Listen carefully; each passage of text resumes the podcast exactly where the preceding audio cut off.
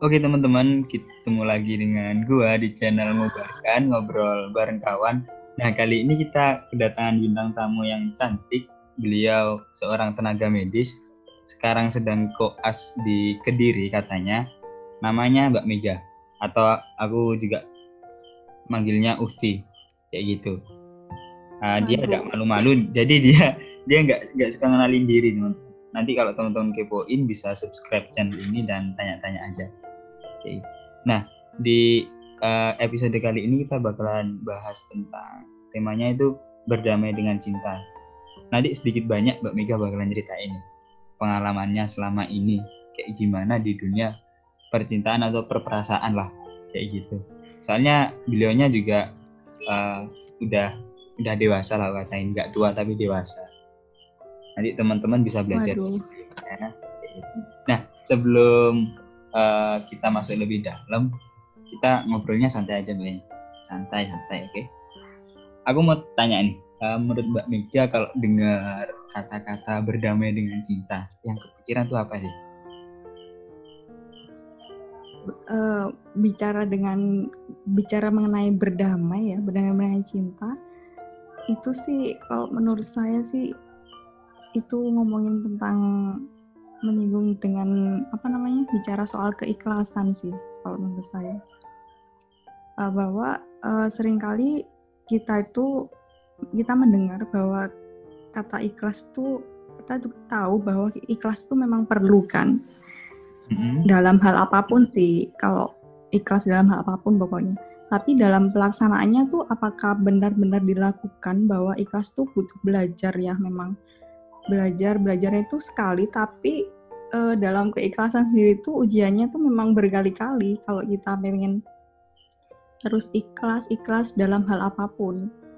Uh, kita bukannya terkadang manusia itu uh, belum tentu bisa melakukan tapi bukannya tidak mau tapi mungkin tidak semua orang mampu itu kalau soal bicara keikhlasan uh, kalau se apa namanya kita ngobrol sharing aja ya namanya sharing aja santai.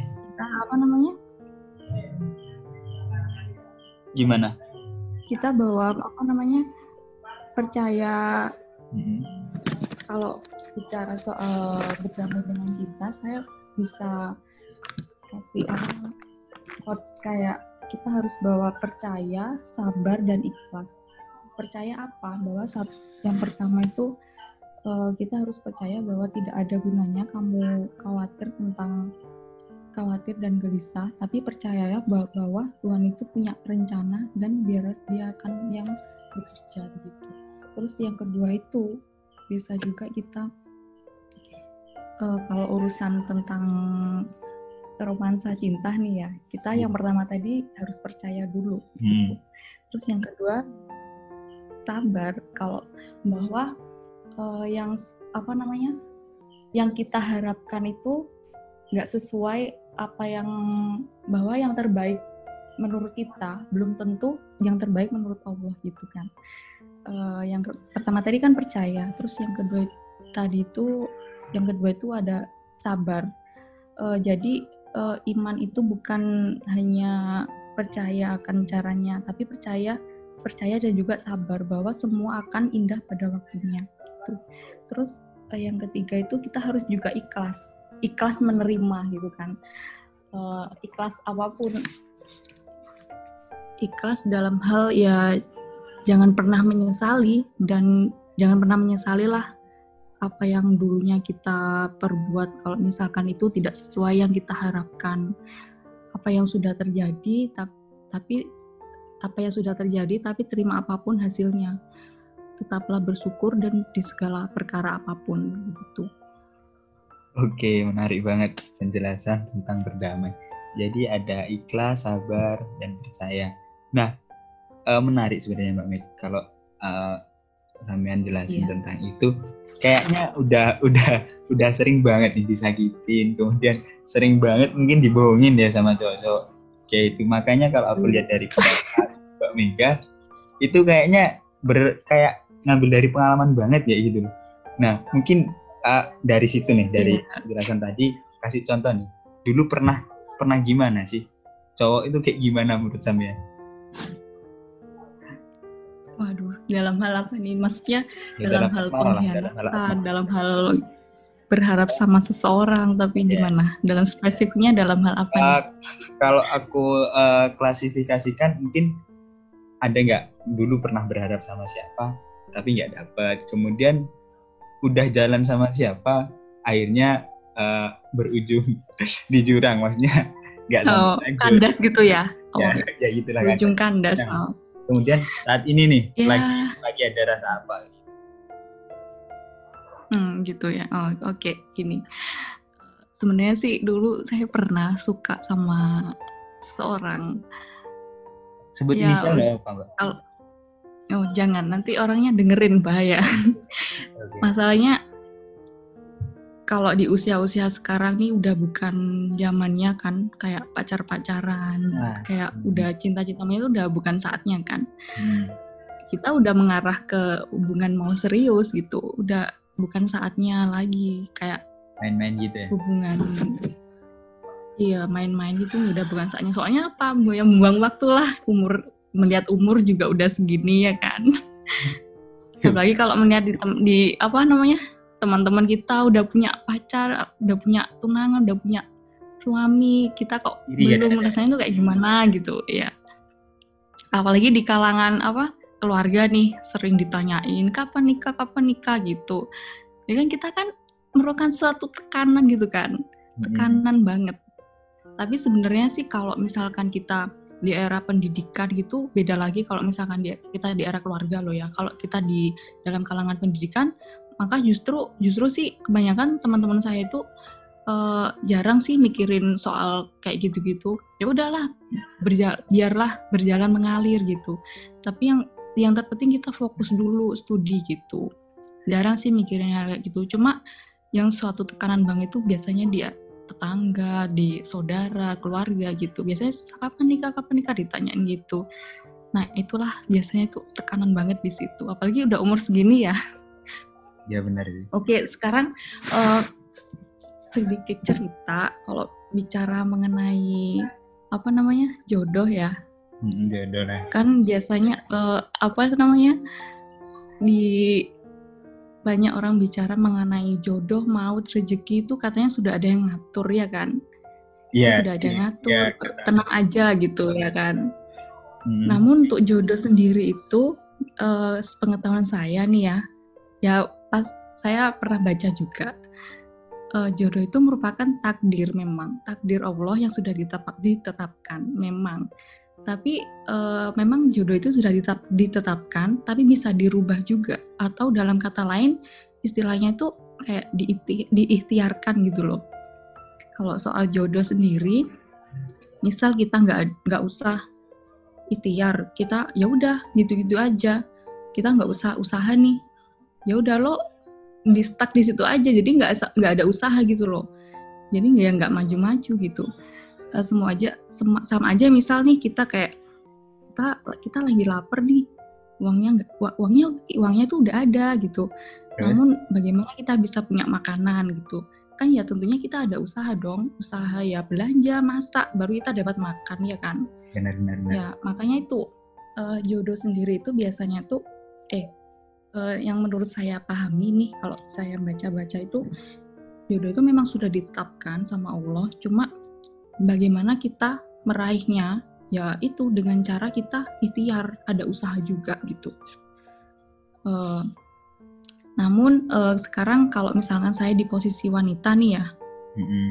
um, hati-hatilah juga kalau dari sisi wanita itu hati-hatilah terutama di kaum wanita soal menaruh hati atau soal menaruh perasaan gitu uh, nanti uh, nanti juga ada bakal ada konsekuensinya gitu loh. Di balik itu semuanya pastinya pasti ada bakal ada konsekuensi. Konsekuensinya apa? Uh, karena kita udah berani terjun di dunia romansa asmara gitu di romansa dunia percintaan gitu pasti ada konsekuensinya. Entah nantinya itu sedih bakal seneng tuh nanti bakal ada pasti. Dan nah. lo harus juga harus terima itu gitu loh. Ya, harus bener. berani. Tapi uh, gini tadi kan Mbak Mega juga sempat bilang ke aku soal mantannya nih. Kadang kita mm -hmm. uh, sekarang ada adik ketemu gede atau dan lain-lainnya aku sebenarnya pengen aku tahu mungkin teman-teman juga nanti ya pengen tahu Mbak Mega pernah punya pengalaman baik kayak gimana sih sama cowok? Kemudian ya kita kembali ke awal tadi. Mbak Mega mengaplikasikan tentang ikhlas sabar yaitu seperti apa? Berarti kalau semuanya ini ya aku mikir ikhlas nih ikhlas berarti Mbak Mega kayaknya pernah disakitin ya udah aku ikhlas aja jodoh dan ada ada ditentuin kayak gitu. Sebenarnya gimana sih pengalamannya oh. ya pengalamanku pernah diapakan gitu pak. Kok bisa aku kayak gini? Ya sebenarnya ini merupakan suatu pembelajaran sih memang. Mm-hmm. e, nyambung sama channel yang kemarin nih di yang dibahas sama bang Irfa itu ya. Yeah. e, sebenarnya sih apa ya nggak enak juga mau cerita. Ya ya memang kalau mes kalau kita berharap sama seseorang pastilah. Ya tadi itu yang aku jelasin kalau misalnya kita udah berani terjun di dunia kayak gini harus ada berani nanggung resiko konsekuensinya. Entah nantinya itu kita udah berharap mati-matian sama seseorang udah kita serius gini eh ternyata Allah berkehendak lain gitu. Nggak berarti sesuai sama pernah kita kan? harapkan. berarti pernah kayaknya dijanjiin ya, pernah. Ya ya pernah sih. Makanya yang pengen tahu gimana sih perasaan cewek kayak gitu. Kalau digituin kemudian uh, perlakuan kadang kan ada apa ya kadang cowok itu ada yang perhatiannya lebay yaitu aku bilang lebay apa apa di ini di ini diatur dan lain kemudian ada cowok juga yang uh, karakternya itu pendiam kayak es kayak gitu.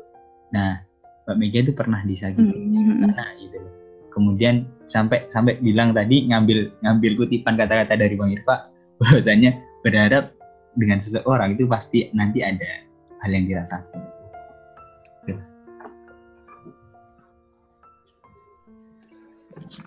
Ini spesifik ke pengalamanku gitu ya?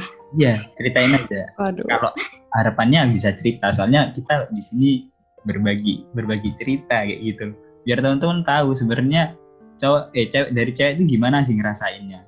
Terutama di usia di usia Mbak sekarang ya yang yang udah mau nyari jodoh kayak Mm Uh, iya memang pengalamanku itu sempet ya nggak jauh-jauh nggak jauh-jauh sih ya bulan-bulan kemarin mm-hmm. pernah menjalin suatu hubungan. Ya lumayan lama lah lama sama seseorang yang nantinya itu bakal suat bakal nantinya akan menjadi suatu tujuanku nanti ke depannya. Ya udah lumayan lama menjalin hubungan. Nggak taunya di akhir di tengah-tengah ini ya bulan-bulan kemarin sih itu nggak sesuai sama yang diharapkan. Ya kalau masalah realnya kenapa itu yang jelas saya nggak bisa cerita. Ada masalah pribadi dari kami mm-hmm. yang memang itu nggak bisa disatukan gitu. Bukan masalah orang ketiga. Nanti beda lagi kalau masalah orang ketiga ya. Hmm. uh, itu memang ada sih masalah. Itu nggak bisa di nggak bisa kita bersatu. Itu memang harus kita terima. Bisa nggak bisa kita harus nerima itu gitu loh. Hmm, berarti uh, gimana? persoalannya di uh, persepsi bersama ya pendapat gitu ya iya uh, masalah persepsi aja sih kemarin itu hmm. makanya uh, kenapa kalau kita menaruh harap sama manusia itu justru nggak baik sih sebenarnya. Kalau udah terlanjur dalam menaruh harap sama manusia, ya ini ujung-ujungnya kayak gini. Makanya kan udah di sebenarnya udah diatur kan, katanya nggak boleh berharap sama manusia, lebih baik berharap sama yang yang punya pemilik hati gitu kan. Ya ujung-ujungnya kalau misalkan kita berharap sama manusia ya terima aja nanti pedihnya suatu pengharapan nggak yang nggak sesuai kita yang nggak sesuai kita harapkan gitu loh. Tapi Mbak makanya udah, jadi gimana? Mbak Mega udah ikhlas dan terima ya? Insya Allah. Uh, karena kenapa? Kita harus memang harus benar-benar ikhlas, harus belajar ikhlas. Kan uh, itu bukan suatu ya memang itu lama sih hubungannya. Terus kita biasanya mengambil kesimpulan ah buang-buang waktu, tahu gitu kenapa dulu nggak boleh, kenapa kok kenal sama dia? Kita nah, juga nggak boleh ngomong itu itu merupakan suatu pembelajaran kita. Nanti kan dari suatu kita kenal seseorang tersebut kita bakal mengambil hikmahnya kenapa kok bisa kita nggak bisa disatukan gitu. Kita bakal mengambil hikmah apa pembelajaran apa yang kita bisa ambil dari orang tersebut. Kenapa kok ini bisa nggak bisa kita disatukan tuh apa pelajarannya. Dan saya memang mengambil banyak pelajaran dari kisah kemarin itu. Bahwa kita harus belajar memang benar-benar belajar ikhlas banget. Ikhlas merelakan. Karena yang terbaik yang menurut kita baik belum tentu menurut baik menurut Allah gitu. Makanya uh, kaum wanita itu kan eh, nggak uh, baik juga sih sebenarnya mau menaruh harap terlalu banyak terus terlalu bawa perasaan banget sama cowok apalagi kalau misalkan nih dicat terus-terusan gitu kan. Nah itu. Ya gimana ya gak munafik juga ya kalau wanita kan ya pastinya kan ngerasa ada baper-bapernya gitu kan. Ya kan hmm. namanya kamu wanita. Kita 80% kaum wanita itu kan biasanya mikirnya tuh identik dengan perasaan kan. Beda dengan cowok ya kan. Ya, aku setuju aja deh. Terus? Uh, jadi kita ter, uh, pinter-pinteran aja sih menempatkan menempatkan hati kita. Karena nantinya kita ya yang meng, yang mengontrol hati kita ya tergantung kita sendiri. Itu merupakan tanggung jawab kita sendiri gitu loh. Mau dibawa ke mana hati kita? Entah kamu tuh uh, misal kamu tuh terlalu baper ini itu kan tergantung kamunya sendiri. Kan ya cowok maksudnya ya aku nggak membela si cowok ya. Maksudnya dia bebas dong kalau misalkan mau dia mau berkata apa-apa. Tapi kan ya tapi si cowok juga salah juga kalau misalkan dia terlalu ngomongnya terlalu sampai ke mana-mana itu kan ya si cewek kasihan juga kan kalau misalkan nggak dikasih harapan terlalu dikasih harapan tapi nggak jadi itu kan ya gimana gitu. Waduh oke oke. Uh, kayaknya oke aku nggak bakal bahas terlalu dalam soal itu tapi yang bisa tak ambil tuh kayaknya ada uh, pengalaman bener-bener nyelkit banget di hatinya Mbak Mega kayaknya. Oh, jadi uh, menarik sebenarnya. Aku pengen ini, pengen tanya soal ini kan hubungan yang baru-baru. Pasti Mbak Mega kayaknya udah udah banyak nih. Nggak tahu ya, aku bisa dijawab Mbak Mega. Apakah karena katanya uh, kita belajar dari pengalaman nih kalau kata pepatah. Sebelum sebelumnya Mbak Mega apakah juga kayak IG-nya atau gimana? Atau nggak pernah? Atau ini hubungan pertama gitu gimana gimana? Suaranya? Uh, ini kan pengalaman yang baru-baru aja ya. Maksudnya hubungan yang baru-baru terlewat. Nah mm -hmm. kan kita belajar dari pengalaman nih kayak apa pun kita nggak apa-apa. Jangan jangan bilang kita buang-buang waktu nih buang-buang waktu kenapa kok kenal dia? Kenapa kayak gini? Kayak gitu kan. Nah sebelum sebelumnya hmm. apa mbak Mega? Mbak Mega pernah nggak ngejalin asmara dengan yang lainnya? Atau ini uh, yang pertama kayak gitu? Yang dirasain tuh sama oh enggak sih. Beda soalnya beda. Kalau ini bukan yang pertama sih yang yang ya. berapa ya? Ya maksudnya nggak, yang penting yang nggak orang bukan yang pertama gitu kan. Hmm. Karena uh, menyangkut ada juga sih pengalaman kalau misalkan karena tipikal cowok itu beda-beda gitu loh. Nggak semuanya sama kan, dia sifatnya gitu. Benar. Ada cowoknya yang dia tuh agresif gitu, ada yang dia pendiam, dia cuek gitu kan. Jadi kita beda juga sih pengalamannya. Kayak yang yang dijalin hubungannya itu beda juga. Dan seninya itu ad, maksudnya beda juga kita dalam menghadapi kayak gitu. Jadi jadi ada seninya ya? Menarik sebenarnya ada seni, seni uh. dalam berhubungan kayak gitu. Aku sebenarnya pernah membaca buku tentang seni mencintai. Uh.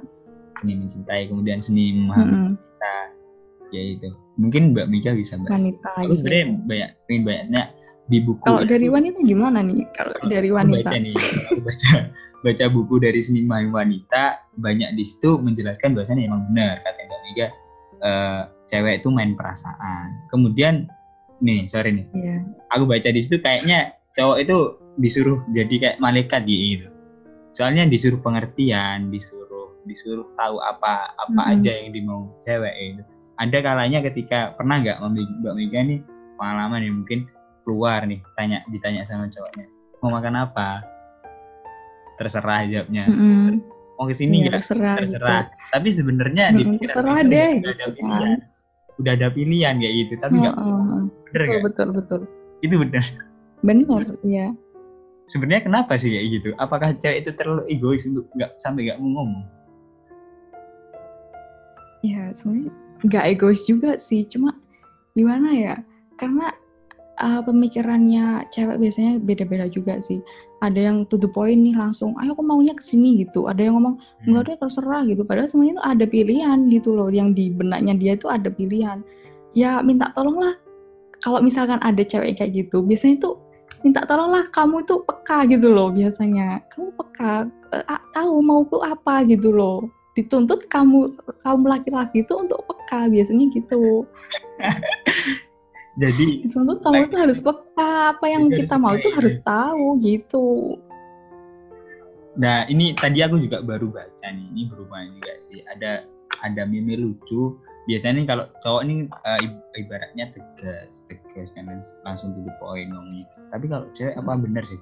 Ketika rindu kangen kemudian itu kadang bilangnya nggak langsung tapi ada aja yang di yang jadi intro. Kadang bilang aku sebel ah, kamu ke mana aja? Dan lain-lain gitu.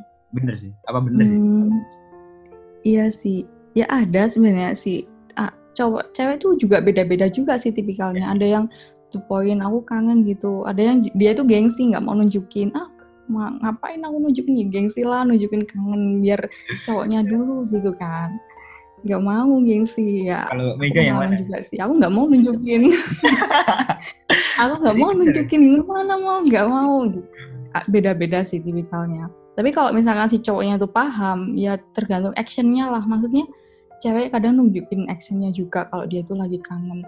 Contoh nih misal aku pengen ditelepon gitu tapi sebenarnya dia tuh kangen sebenarnya. Nggak mau nunjukin ngomong aku kangen gitu. Nggak mau.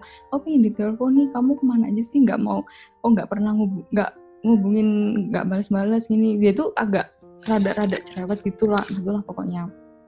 Tapi sebenarnya dia tuh nunjukin kalau aku tuh pengen diperhatiin aku tuh kangen gitu loh. Itu nggak mau ngomong to the point tuh dia tuh gengsi gitulah. Ya biasalah wanita. Uh, tapi gini uh, balik ini aku pengen tanya juga sih. Kinan soal berdamai dengan cinta kita harus berdamai dengan perasaan. Banyak juga nih kadang gini cewek itu kalau sebel sama cowoknya udah nggak lama nggak di chat kemudian apa ya nggak dikabarin itu kadang-kadang chat ada nih nggak mungkin aku tanya nih kadang itu cewek sampai bilang aku tuh sebel sama kamu aku tuh kayak gini sampai dia nangis kamu kena mana aja deh kamu kayak gini dan kenapa mm -hmm. kamu itu pernah nggak mbak Mega? Atau kemudian sebenarnya ketika cewek sampai nangis kayak itu apa sayangnya tuh kayak gimana sih rasanya? Iya. soalnya ada beberapa beberapa eh, beberapa cowok ini biasanya kalau pengalaman kalau, ya, ya kalau, kalau kalau nangis ya itu cowoknya senyum-senyum aja gitu. Nah, kayak ngerasa nggak nah, ya, boleh lah senyum-senyum. Ya makanya itu kaum laki-laki dituntut untuk peka. Tapi di kenyataannya di lapangan memang laki-laki itu memang ya makhluk nggak peka gitu loh. Ya itu nggak ada salahnya. Kalau memang itu kalau untuk masalah soal peka itu memang wanita ya yang biasanya itu. Hmm. yang biasanya untuk peka-peka gitu biasanya teridentik ke wanita. Menarik. Jadi laki-laki itu tipsnya kalau ingin berdamai dengan cinta tahu apa-apa itu harus peka ya kuncinya mbak ya. Hmm. ya peka untuk mendalami gimana sih sifatnya dia gitu. Memang uh, gini sebenarnya tuh wanita itu rumit gitu. Rumit sih makhluk yang rumit. Kalau lagi kan simple ya. Ya benar ya, benar. ya jujur aja maksudnya nggak munafik juga kan. Hmm. kalau wanita itu memang makhluk yang rumit. Dia minta ngomongnya A kadang inginnya Gitu. Aku nggak mau ini. Sebenarnya dia harus kamu kamu tuh harus tahu dia tuh maunya apa. Nah itu aneh aneh. Kadang berpikir aku berpikir pemborosan ketika kita kamu mau ini dikasih ini enggak aku mau ini. Kan lama-lama jadi banyak keluarnya gitu mbak. Banyak outputnya tapi cuma satu pilihan. Kayak gitu loh. Nah aku mau tanya dulu deh. Eh, kemarin mbak Miga udah dengerin podcast yang uh, diceramain sama bang Irfa nggak? Iya pernah dengerin ya, udah dengerin sampai habis ya? Iya. Ya, di situ ada nggak yang mau ditanggepin apa yang dibilangin sama Irfan?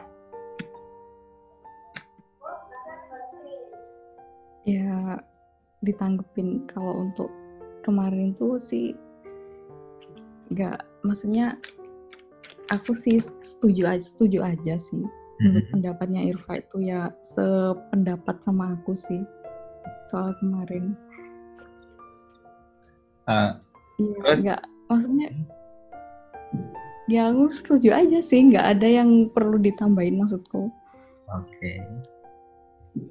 tapi kayaknya mbak Mega masih malu-malu tips ya. aku sebenarnya kayaknya para pendengar tuh pengen tahu tips dari mbak Mega itu kan pengalamannya udah umurnya udah berapa sih pasti udah banyak kenal hmm. cowok gitu jangan sebut umur lah aku nggak sebut umur nggak sebut umur aku yeah, yeah. aku cuma bilang umur gitu umur kemudian pasti Mbak Mega juga cantik, kemudian berpendidikan. Kayaknya banyak banyak hmm. cowok yang tertarik. Uh, mungkin bisa kasih apa ya? Gimana sih biasanya cowok itu deketin kayak gimana? Kemudian sikap cewek itu harus seperti apa sih? Biar nggak dibilang oh, murahan gitu. kayak gini, mm-hmm. ayo ayo ayo kayak gitu loh. Modus-modus modus-modus mm-hmm. kampret biasanya kayak gimana? Oh gitu. uh, kalau di usia memang beda sih. Kita oh, iya. deket mm-hmm. dari usia aku... dulu waktu SMA kuliah waktu usia sekarang tuh ada tahapannya bener kata Irfa yang kemarin hmm. itu dijelasin uh, ada tahapannya memang kalau dulu kan dia cowok itu modus-modusin uh, lagi ngapain nih? Udah makan belum? Gitu kan. Udah punya pacar belum? Ini modus-modusnya biasa-biasa aja gitu kan. Ah, kalau sekarang sih udah bukan zamannya lagi gitu loh. Kalau misalkan nih aku di posisi sekarang digituin ya mana mana gimana ya? Udah bukan saat udah bukan zamannya lagi gitu loh. Kita gantilah obrolan yang lebih berkelas contohnya. Waduh. Uh, udah ada maksudnya udah siap belum menjalin hubungan ke depan. Misalnya udah ada calon belum? Kalau misalnya belum kita ngobrol masalah mau nggak aku ajak serius? Gitu kan. Biasanya kan ada kan obrolan-obrolan yang berkelas tentang masa depan lah intinya gitu ngomongin ngomongin nyinggung masalah masa depan. Kayak misalkan, misalkan nih nanti uh, rencana kerjanya gimana? Nanti rumah tangganya pengennya tuh gimana. Terus, intinya ngomongin masa depan lah. Udah bukan zamannya lagi. Kalau misalkan modus-modus cowok zaman-zaman SMA dulu itu udah bukan gimana gitu. Beda lah pokoknya. Kalau misalkan uh, diomongin diajak ngomong masa depan sih lebih menarik sih menurutku. Lebih nyambung gitu kan. Lebih ngena di hati gitu. Oh berarti sekarang modusnya itu janji-janji manis yang masa depan tadi. Eh, iyalah. Maksudnya kan men, apa namanya udah bukan zamannya kan ya Ya, udah benar. selesai masa kayak gitu tuh udah ya, selesai ya, kan kalau... dulu udah dihabisin masa SMA kalau aku ambil bahasa dari Irfa itu ada ada tingkatannya ya, ada ada sesinya sendiri. Berarti hmm, okay, modusnya dijanjikan dengan iming-iming kayak gitu. Emang beda, emang beda taraf. Tapi ini aku sebenarnya soal berdamai. Aku pengen tadi menarik sampaikan. Aku pengen ketawa sebenarnya disampaikan sama Mbak Mega soal sekarang nih. Aku tahu juga, aku banyak baca banyak uh, banyak tahu dari teman-teman juga. Uh kan kalau kita ya so, so, so, so, ya seumuran aku mbak Mega lah. Aku pada gitu. Apalagi di hari raya biasanya ditanya kalau ketemu keluarga atau kerabat dekat sih. Kalau belum bawa uh, pasangan kemudian datang sendiri tanya kapan nikah mana pasangannya. Hmm. kayak gitu gitu nah iya. itu pertama. Kemudian kedua yang pengen yang menarik buat aku sebenarnya tadi kata Mbak Mega kalau kalau di keluarga tanyaan kayak gitu itu tekanan batin banget. Tapi kalau di lingkungan berpendidikan teman-teman ya udahlah itu lanjut aja. Berarti berarti maksud Mbak Mega teman-teman kerabat-kerabat keluarga itu nggak berpendidikan ya? Kayak gitu. Satu itu satu. Yang kedua. Nggak apa? Gimana? Nggak apa? Nggak berpendidikan? Iya oh nggak itu yeah, yeah, aku, aku aku itu mencoba menyimpulkan loh menyimpulkan. Oh iya iya. Yang ngomong. Tapi ini yang menarik ini sebenarnya tentang tentang tekanan tekanan secara psikis mbak. Mm-hmm, iya betul. uh, mbak Mega sebagai tenaga medis juga nih pasti sedikit banyak belajar tentang psikologi juga gitu. Sebenarnya penyikapan mbak Mega nih untuk berdamai dengan hal seperti itu gimana sih? Soalnya ke, aku banyak baca kasus juga. Kenapa sih orang-orang kenapa sih masyarakat kita ketika umur seumuran kita kemudian tanya pasangan pasangan emang kalau nggak ada pasangan masalah gitu. Gimana? Itu kan tergantung adat ya. Kalau di apa namanya di daerah yang identik penduduknya padat apalagi di daerah desa gitu ya. Hmm. itu biasanya mereka kan identik nikahnya nikah muda tergantung adat sih sebenarnya. Coba kalau bedain kalau di kota-kota entah dia maksudnya cuek-cuek amat bodoh-bodoh am, bodoh amat lah masalah tetangga itu nggak pernah ngurusin kan. Kecuali kalau beda lagi kalau di desa penduduknya padat ya mereka bakal diurus lah kalau misalkan ada ini misal nih contohnya habis lamaran eh kok nggak jadi? Itu bakal jadi bincangan publik gitu loh. Kayak apa apa oh kok kok belum punya pacar kok belum punya ini kenapa? Itu hal yang kayak gitu tuh biasa diomongin gitu loh. Sebenarnya sih tergantung uh, adat-adat apa ya tetangga-tetangga daerah sini sih. Tergantung Kalau orangnya dari juga. Mbak Meganya sendiri nih penyikapannya kayak gimana? Soalnya kalau aku lihat-lihat sih sama pengalaman di enggak di lapangan kayaknya sebenarnya sedikit banyak itu bakal ya bener kata Mbak Mega eh, nekan secara psikis. Lah positif lah positif kok ke sini ditanya ke sini ditanya kayak gitu Nah, berarti kalau semuanya ini soal adat, berarti Mbak Mega menyetujui dong orang-orang yang nikah muda di situ ya itu. Apakah Mbak Mega nggak ingin ngajak? Kenapa nih orang-orang mau nikah muda gitu? Uh, kan itu kembali ke pribadi masing-masing ya. Kalau saya sih sebenarnya ya saya pengen dulu masa dulu sih saya bercita-cita memang nikah muda. Tapi ya Allah ya kan nggak tahu rencana Allah ya. Nggak tahu ya nggak apa-apa lah. Maksudnya kita belajar sabar ikhlas percaya bahwa jodoh itu nanti ada pastinya gitu. Jadi nggak perlu khawatir juga kita sambil uh, sambil berjalan dengan karir ini sambil mengiringi kita juga sambil berusaha juga berikhtiar dan kita juga harus percaya juga bahwa nantinya itu jodoh tuh pasti ada kok pasti ada. Jadi nggak usah khawatir juga. Itu sih yang aku pegang selama ini. Jadi ya harus gimana ya harus ikhlas aja. Bahwa ya pengalaman-pengalaman dahulu yang nggak nggak enak.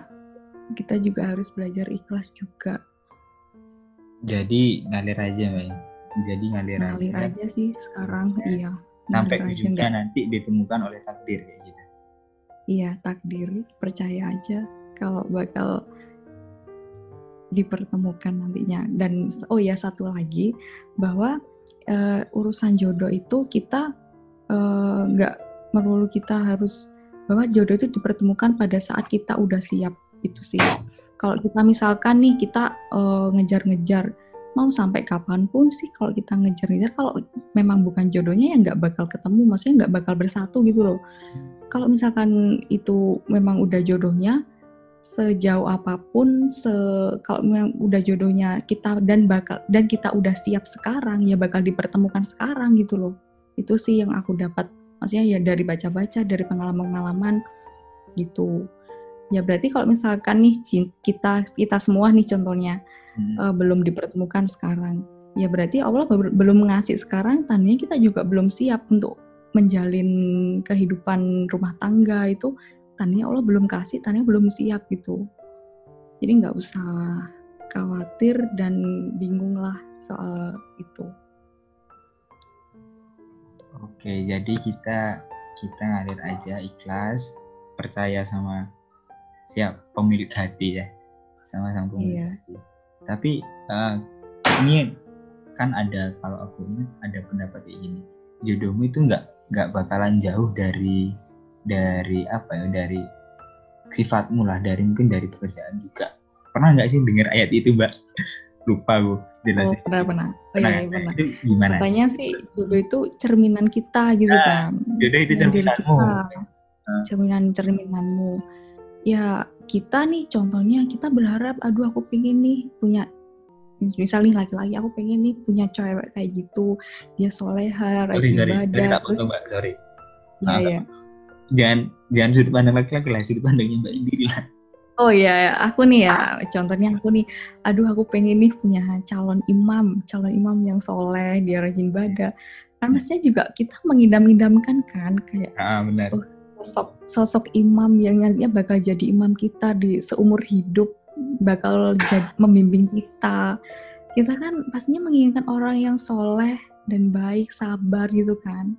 Hmm. Kalau ganteng sih urusan bonus ya, jadi nggak usah di, ya difikirin sih. Cuma itu bonus gitu loh, urusan belakangan. Yang penting sih kalau saya sih agamanya gitu.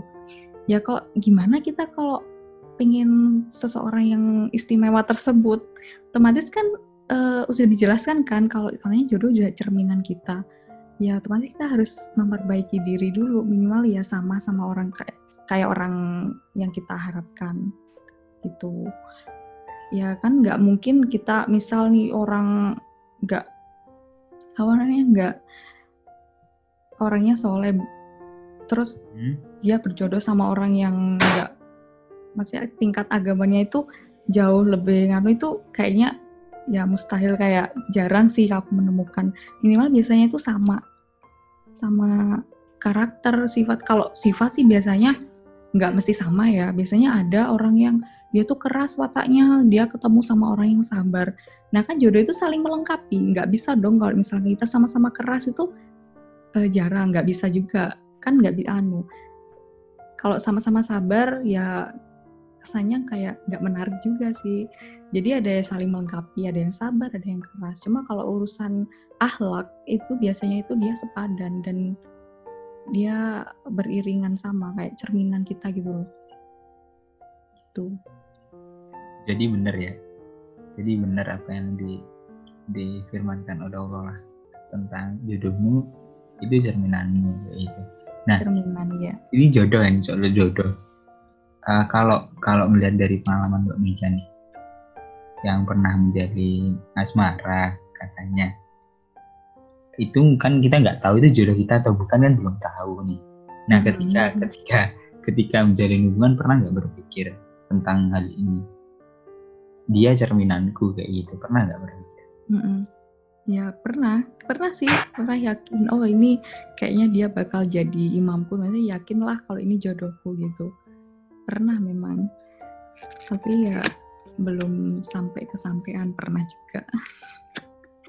Tapi ya itu kembali lah kembali. Nanti bakal ada aku ya apa namanya berpikirnya nanti bakal ada kok yang lebih baik gantinya gitu Oh, Karena jadi, sih yakin sama seseorang.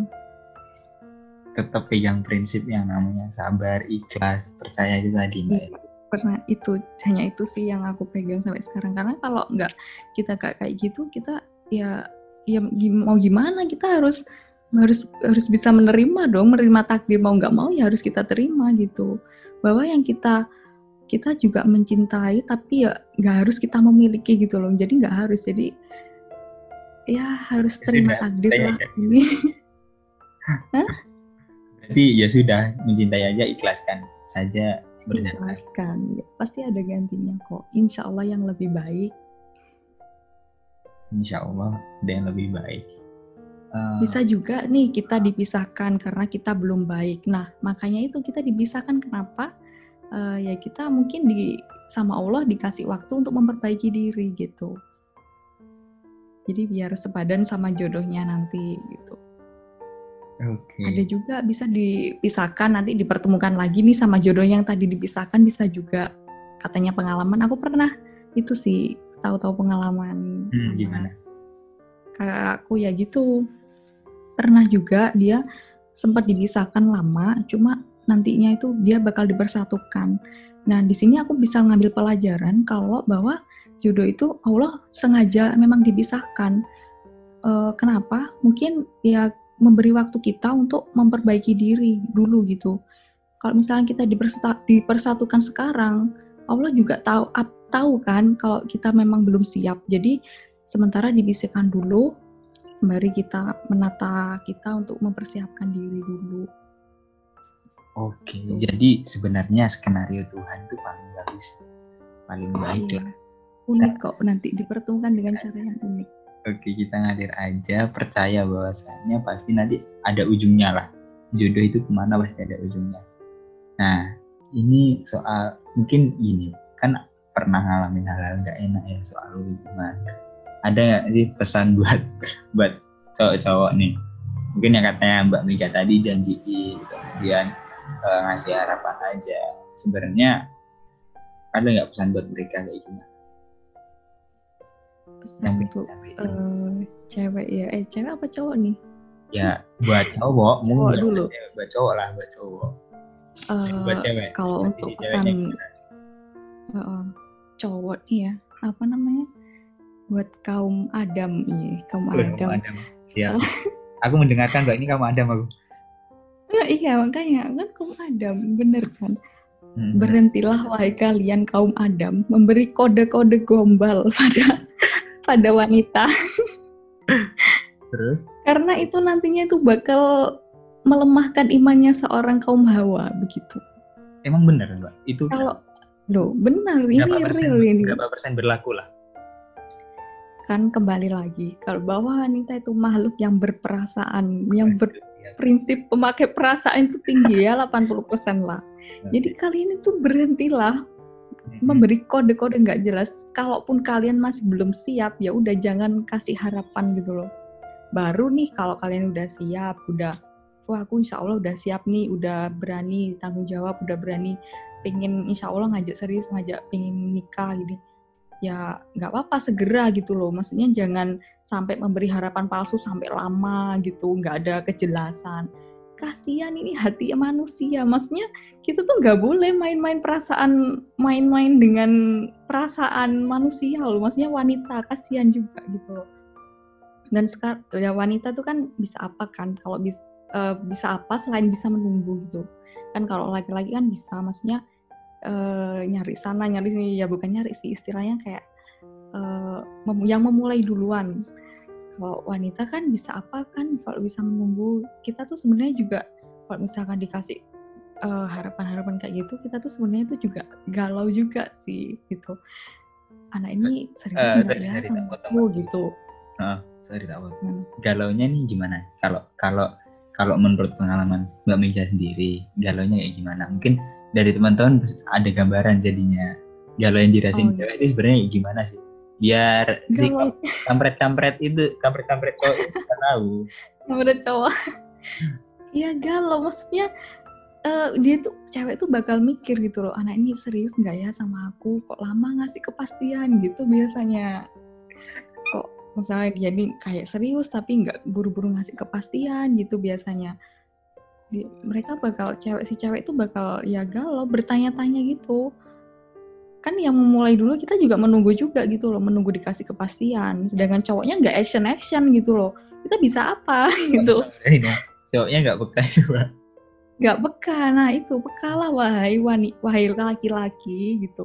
Kalau udah udah lamasnya deketin udah lama udah saling kenal keluarga udah tau lah masing-masing karakternya udah jalin hubungan serius kecuali kalau kalian itu nggak serius ya udah berhenti sampai di situ. Jangan terus-terusan kalian deketin gitu loh.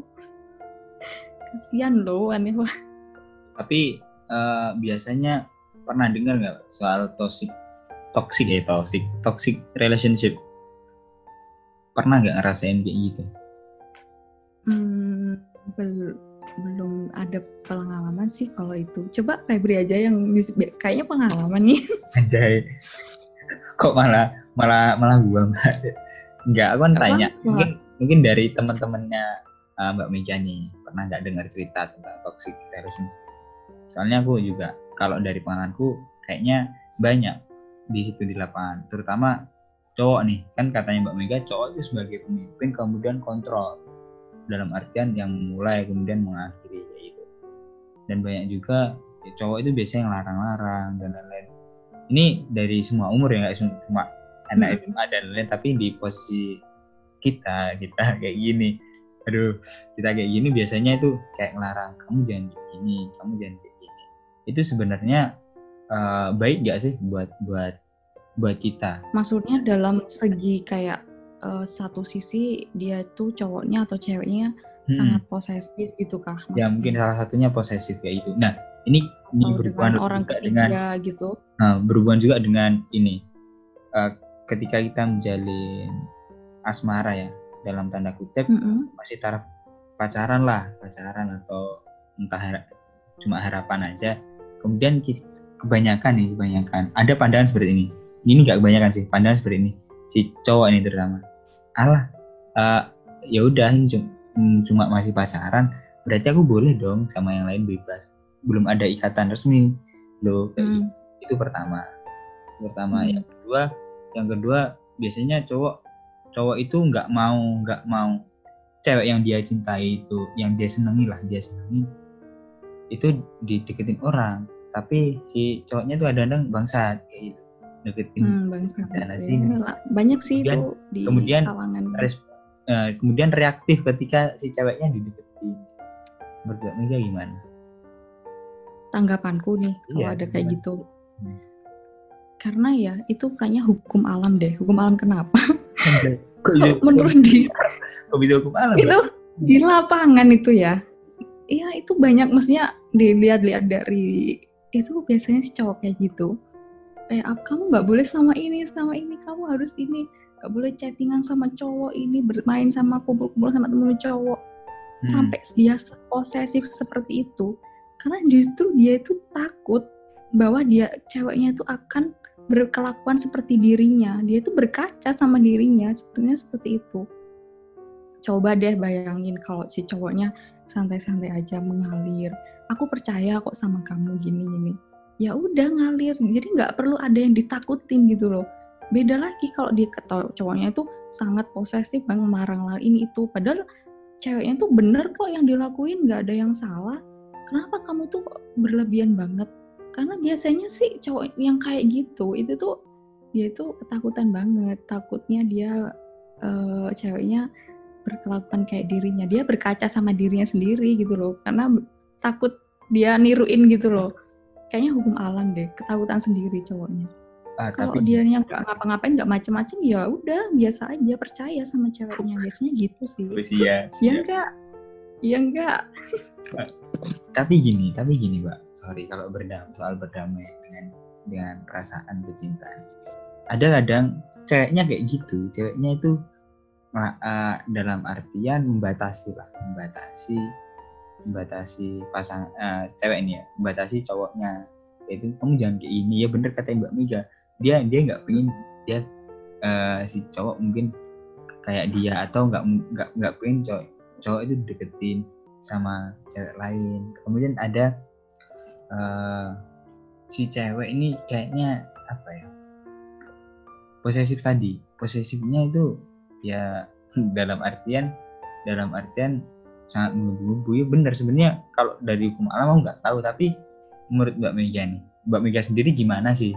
Kayak itu kalau sekarang ya oke. Okay. kalau sekarang mungkin mengalir aja. Kita kita kita orientasinya pada jodoh tapi kemudian bagaimana Mbak Mega mengedukasi uh, adik-adik Mbak Mega, cewek? Itu itu kalau dari segi cewek nih, ceweknya yang posesif hmm. maksudnya. Sebenarnya sih cewek uh, kalau identik dengan posesif iya sih, aku pun sendiri iya. Karena takut cowoknya kenapa-napa. Kayaknya kan terkenal cowok itu ya gitulah di kalau lihat cewek sedikit cantik dia kayak langsung tertarik gitu kan itu wajar Waduh. sih normal normal ya oh normal lah normal juga normal sebenarnya. Tapi kalau keterlaluan nggak normal. Nah keterlaluannya nah, itu, gimana? ya keterlaluannya udah punya cowok cewek tapi dia masih aja uh, ya itu godain cewek lain tapi dalam hal, hal yang nggak wajar maksudnya. Hmm. sampai dia sampai chattingan sampai teleponan sampai jalin hubungan gitu kan ya nggak wajar kan. Okay. Jadi kalau sekedar dia berteman sesuai batas ya emang salah kita berteman sama lawan jenis. Hmm. Ini nggak salah kan kalau dalam batas wajar ya itu oke okay aja. Apalagi kalau dalam misal nih hal, dalam hal organisasi kita kan kebutuhannya sesuai dengan itu. Jadi nggak ada yang berlebihan. Itu. Kalau misalkan si ceweknya posesif, kalau hmm. misalkan dalam batas hal wajar, nggak masalah juga karena memang cewek itu biasanya dia itu takut banget kalau cowoknya kayak gitu. Jadi kita agak cerewet dikit gitu loh. Cerewet ya, dikit. Biasa lah. Nah, cerewet dikit nggak apa-apa. Maksudnya dalam kalau hal dalam mas wajar nggak apa-apa. Tapi kalau sampai mengekang nggak boleh ngapa-ngapain. Tapi itu ya nggak wajar juga ngapain dikekang-kekang orang dia udah gede kok kan dia tahu mana yang baik yang buruk kecuali kalau dia emang bangsat bener-bener nggak tahu diri ya ya itu apa namanya perlu di itu memang tapi tapi kadang gini tapi kadang banyak nih aku kasian juga sih sama si cewek kadang. Kadang si cowok bangsat buat cewek ke sana kemari kemudian tapi si cewek tahu kemudian dimaafkan. Dimaafkan kan itu, itu salah satu lagi gitu kan. kadang kadang case lain. Case lain yang buat cewek ya boleh lah cewek pengen sesuatu satu hal kamu jangan inilah. Jaga perasaanku. Untuk hal lain. Kemudian si cowok ngulang ngulang aja tapi si cewek maafin tapi kadang banyak nangisnya kadang itu sebenarnya sebenarnya kenapa? Nah, itulah. Kenapa? itulah si cewek sudah dibutakan itu. Memang kan ya cinta itu kan memang buta ya. Dia tuh nggak kenal uh, gula jawa rasa coklat lah katanya kalau dalam istilah.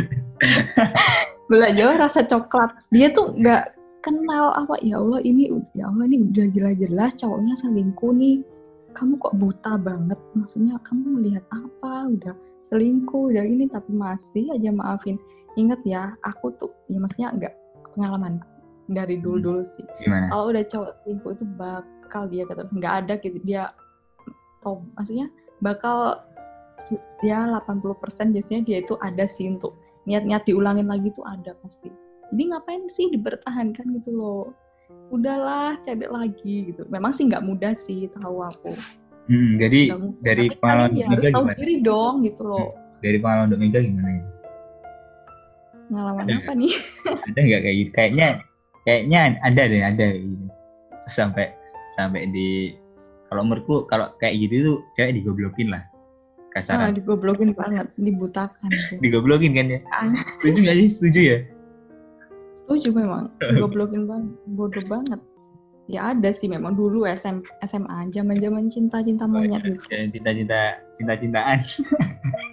Tapi memang itu masih labil sih, maksudnya kita masih berpikiran kayak belum untuk mau serius jadi wajar-wajar aja sih nggak terlalu aku ambil soalnya aku memang belum ada niatan serius juga tapi memang itu nggak nggak wajar cowoknya kayak gitu tuh ya udahlah kalau udah punya ya udah disyukurin gitu loh kalau memang nggak suka ya udah ngomong jujur itu apa salahnya sih kita juga bisa menerima gitu loh nah itu itu memang menarik sakit.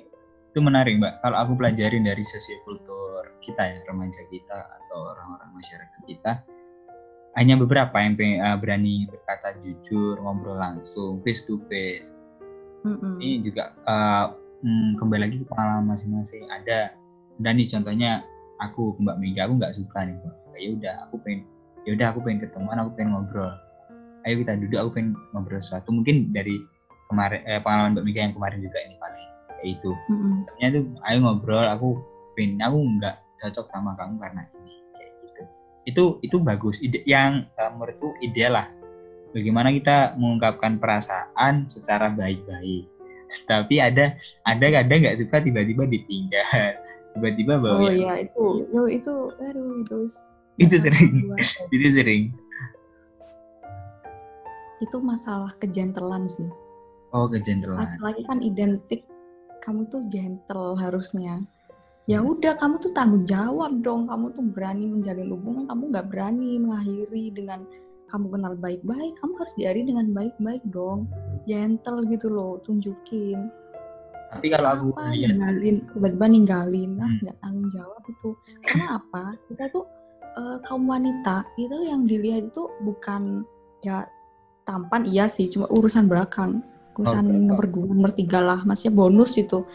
Yang dilihat itu pertama itu biasanya tanggung jawab dan dia itu ya tanggung jawabnya yang pertama itu.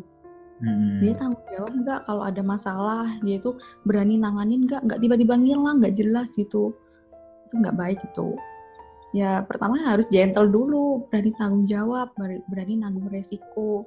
Dan katanya kan kamu udah ber, udah terjun di dunia ini ya harus berani dong tanggung jawab. Selesain masalah itu jangan tiba-tiba ngilang gitu. Nggak baik. Oke jadi kriteria pertama buat Omega itu gentle teman-teman. Kita ya. harus gentle sebagai tanggung jawab dong. Tanggung jawab. Harus tanggung jawab jangan cuma janji-janji mana ya manis ya itu udah basi menurutku bisa basi lah. Janji-janji manis. Kalau emang kalian yang punya pasangan atau yang sekarang lagi deketin Mbak Mika ini langsung aja. To the point aja kayak gimana namanya tapi kalau semuanya tiba-tiba ada yang mau ngelamar Mbak Mika itu gimana Pak? datang ke rumah bilang ke orang tua aku suka sama anak bapak ini. Mau lamar ini. Itu ya kalau usia sekarang itu yang dicari malah. Udah bukan ngapain sih lama-lama gitu? Maksudnya nggak perlu ada kata-kata uh, kan ya. tapi sebenarnya emang benar-benar banyak maunya ya mbak. Kalau semuanya seumpama seumuran tani datang tiba-tiba ke rumah ya udah pak aku pengen ngelamar anak bapak. Wala walaupun uh, oke okay, kalau kita kenal baik kalau semuanya nggak kenal kayak gitu kita nggak kenal ya kita ya jangan langsung gitu. Maksudnya kan kita cari uh. tahu dulu. Ya misal nih uh, dari kaum cowok nih misal ada satu cowok suka sama cewek nih nggak hmm. kenal. Gimana caranya kok bisa pengen aku tuh pengen jalin hubungan serius sama dia? Caranya gimana pengen langsung nikah? Misal gitu nih. Hmm. ya caranya ya mencari tahu di orang terdekatnya dong. Gimana caranya? Us ada usaha lah ada actionnya gitu. Masa diem tiba-tiba diem tiba-tiba datang kan ya nggak kenal. Kita juga misal dari kaum cewek ya bingung ini orang siapa gitu kan. Ya ada cari tahu minimal udah tau lah misal uh, orang terdekatnya si cewek itu nyampe ini ada temenku nih mau kenalan dia mau serius gini nanti yang si ceweknya itu nyampe juga orangnya gini-gini. Ini kan ada perantara gitu loh. Jadi nggak asal ujuk-ujuk dia itu langsung ke rumah nggak kenal. Ya aneh juga sih kalau aku kira aneh kan? Ini siapa orang itu? Kenal aja enggak gitu kan? Iya benar tapi kalau semuanya ada teman Mbak Mega nih datang ke rumah pasti diain ya. Jadi ke rumah ngelamar. Ya. siapa tahu teman-teman ya, ya. siapa tahu ya. Siapa tahu kan aku nggak tahu. Mungkin Mbak Mega hmm, udah ngasih amin. sign atau warning tak terima gitu. Siapa tahu. Ya amin aminin aja deh. Uh, oke. Okay. uh, tapi uh, pernah nggak sih? Kan ada gini aku pernah baca juga pendapat biasanya sekarang. Kalau sekarang kan eranya kesetaraan katanya kesetaraan. Cowok sama cewek harus setara nih gitu. Harus setara. Hmm. ada dulu wah kalau bilang dulu kayak zaman purban dulu mungkin sampai sekarang juga. Yang banyakan cowok nih cowok yang action aku suka sama dia. Ya udah aku yang bilang suka ya, aku suka. Aku suka sama cewek ini. Aku mau bilang dia yang usaha usaha usaha sampai benar-benar benar-benar uh, si ceweknya itu tahu. Kayak gitu. Mm-hmm. uh, aku pernah baca juga. Kadang ada cewek yang berpikiran ya udah aku suka sama dia ya udah aku yang bilang aku yang anu aku suka. Kenapa nunggu dia? Kayak gitu. Ada nggak sih sebenarnya itu dari ceweknya maksudnya yang action duluan? Hmm, cewek yang action. Yang action cewek. Hmm. Ya kan kembali lagi tergantung ceweknya ya. Sifatnya memang beda-beda sih tiap orang. Tapi gini, Mbak Mega pernah nggak sih Gimana? ngerasain suka suka sama cowok kemudian Mbak Mega nih yang yang sedikit sedikitnya uh, narik perhatian. Pengen diperhatiin ya itu. Oh ya ya pernah pernah. Cuma tapi kalau misalkan soal ngungkapin duluan ya ya aduh gimana ya? Rasanya itu nggak nggak berani ya kalau gitu tuh. Memang hmm. kan ya itu apa yang harus cowok ya kan? Apa yang dipikirkan cowok. Soalnya gimana? uh, apa yang dipikirkan ketika uh, mungkin sama suka ya suka sama cowok lah. Pengen pengen mungkin pengen serius entah apa itu. Ketakutan apa yang dirasain? Soalnya aku pernah baca di artikel Magdalene kalau nggak salah soal itu soal cewek. Mm-hmm. cewek suka sama cowok ya udah yang tapi sekarang waktu nggak waktunya nunggu nungguan sam, eh, kalau sebenarnya saling menunggu nih si cowok nunggu kadang pikirannya kayak gini. Ya kalau aku nanti bilang dia mau nggak ya? Mau nggak ya? Si si cewek kalau kadang si cewek bilang kalau aku yang bilang masa cewek bilang? Masa cowok mm-hmm. cowok diam masa cowok diam aja tapi ini di luar di luar Tuhan ya sebenarnya nggak oh, bisa iya, iya. nggak iya. bisa lepas dari Tuhan. Tapi uh, kadang hal-hal seperti ya usaha ini usaha namanya. Hal-hal seperti itu membuat membuat kita nggak jadi nggak jadi bertemu gitu. Ya udah hmm, harus action ada action dari cewek dulu ya? Hmm. biasanya sih kalau tipikal orang kayak gitu tuh biasanya ceweknya yang yang identik orangnya pendiam cuek biasanya. Susah jadi dia agak malu-malu agak uh, gimana ya untuk nunjukin itu agak lama. Jadi nunggu ceweknya dulu nih action dulu gitu. Tapi ya kalau misalnya dipasangkan yang sama-sama pendiam ya nggak jadi-jadi memang. Tapi kalau di luar konteks itu sih aku pernah baca kalau pernah denger nggak yang ceritanya Khadijah gitu yang melamar yang jadi orang si ceweknya dulu nih yang ngungkapin kalau masalah di luar pacaran nih. Ini masalah ya, ngomong mau ke jenjang pernikahan. Khadijah. Oke oke hmm. iya jadi dia uh, ya udah kan ada cerita tuh katanya yang mengungkapkan ngajakin ta'aruf dulu untuk mau melamar dulu itu kan ada juga si ceweknya. Jadi nggak apa-apa sih sebenarnya dianjurkan dalam Islam. Nggak harus nunggu si cowok gitu. Kalau untuk ke jenjang pernikahan kalau misalnya kita mau nyampein uh, pengen ngajain taaruf gitu misal gitu ya tapi kalau si cewek ini eh, nggak uh, boleh langsung ngomong kalau yang saya aku baca nih. Hmm. jadi harus lewat perantara dulu. Perantara misalkan temen deketnya si cowok eh aku tertarik sama temen lu cowok nih pengen ngajakin serius gitu kan. Jadi harus lewat ada perantara dulu yang nyampein. Jadi nggak ujuk-ujuk langsung ngomong dulu. Ngomong langsung ke cowoknya. Itu kesannya kayak gimana gitu? Itu sih ya nggak apa-apa. Kalau misalnya lewat perantara sih it's okay nggak apa-apa. Oh ya ada contohnya dulu kisah-kisah nabi kan? Iya, bahwa ya, yang nggak harus cowok dulu yang action. Nah kalau kayak gini kan sebenarnya bisa menginspirasi cewek-cewek di luar sana gitu mbak. Sebenarnya dari dari dulu-dulu udah diajarkan teman-teman. Ya cuma cowok aja yang boleh ungkapin perasaan tapi cewek boleh. Cewek bisa ya itu. Bener kan? Ini bener pak ya bener bener. Juga jadi, sih. Tapi itu kalau misalnya ke jenjang mau ke jenjang serius loh ya kalau untuk pacaran sih saya nggak tahu. Karena kalau pacaran kan memang ya. nggak ya. dianjurkan dalam Islam saya nggak tahu. Ya enggak kan? Saya nggak tahu. Kalau misalkan cewek nih mau nembak istilahnya kalau anak sekarang nembak ya nembak uh aku suka sama kamu mau nggak jadi pacar? Waduh aku nggak tahu kalau dalam konteks itu ya nggak tahu. Tapi kali untuk konteks ke jenjang pernikahan mau menuju ke pernikahan kan niatnya baik tuh ibadah ya mana ya kan nggak apa-apa tuh niatnya niatnya ibadah nggak jadi nggak harus cowok dulu yang untuk mengajak dulu mengajak dulu gitu loh jadi bisa cewek dulu melalui perantara itu tadi gitu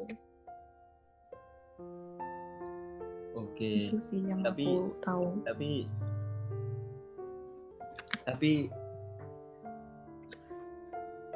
tapi, tapi kadang uh, kalau saya aku apa ya namanya patok kan di jam pernikahan paling tinggi nih pasti bawah-bawahnya boleh kayak gitu. Jadi aku sebenarnya pengen pesan dikit sih. Ini hmm. pesan dikit. Teman-teman di luar sana jangan takut. Jangan takut buat cewek-cewek kalau punya perasaan ke cowok ungkapin aja. Jadi si sekarang kayaknya modelnya bakalan kebalik kayak gitu. Si cewek eh si cowok santai aja rek. Santai di luar sana jangan santai gitu. Maksudnya ya jangan santai kalian itu berani nganu tapi nggak berani action itu gimana? Kan yang dilihat tanggung jawabnya. Lagi-lagi nanti kalian nggak gentle kalau dilihat kaum wanita. Maksudnya ada action lah paling enggak gitu. Oke oke. Jadi seimbang aja teman-teman. Ya ja, tapi jangan sampai diem-diem aja mbak ya. Jangan sampai di, di, diem-diem tiba-tiba ngilang tiba-tiba sama yang lain itu biasanya kayak gitu tuh biasanya cowoknya banyak pilihan nih. Jadi masih oh, belum belum siap dia belum siap serius gitu kan. Jadi dia masih mikir-mikir untuk menjalin hubungan serius. Jadi kan ya ya nggak munafik juga. Cewek juga masih milih-milih ya. Ya namanya untuk cal untuk uh, pendamping seumur hidup ya kan kita ya wajib selektif kan harus pilih-pilih gitu kan. Jadi nggak munafik juga. Cowok juga pun harus gitu juga biasanya ya sama sih cewek cowok. Jadi biasanya orang yang kayak gitu tuh belum siap untuk serius jadi masih di luar sana itu masih lirik-lirik sana sini masih pilih-pilih gitu. Jadi untuk mungkin untuk biasanya alasannya untuk langsung maksudnya nggak mengungkapin langsung entah dia tuh belum siap atau dia tuh takut atau dia tuh ketakutan oh aku diterima nggak ya nanti takutnya? gitu biasanya. Hmm.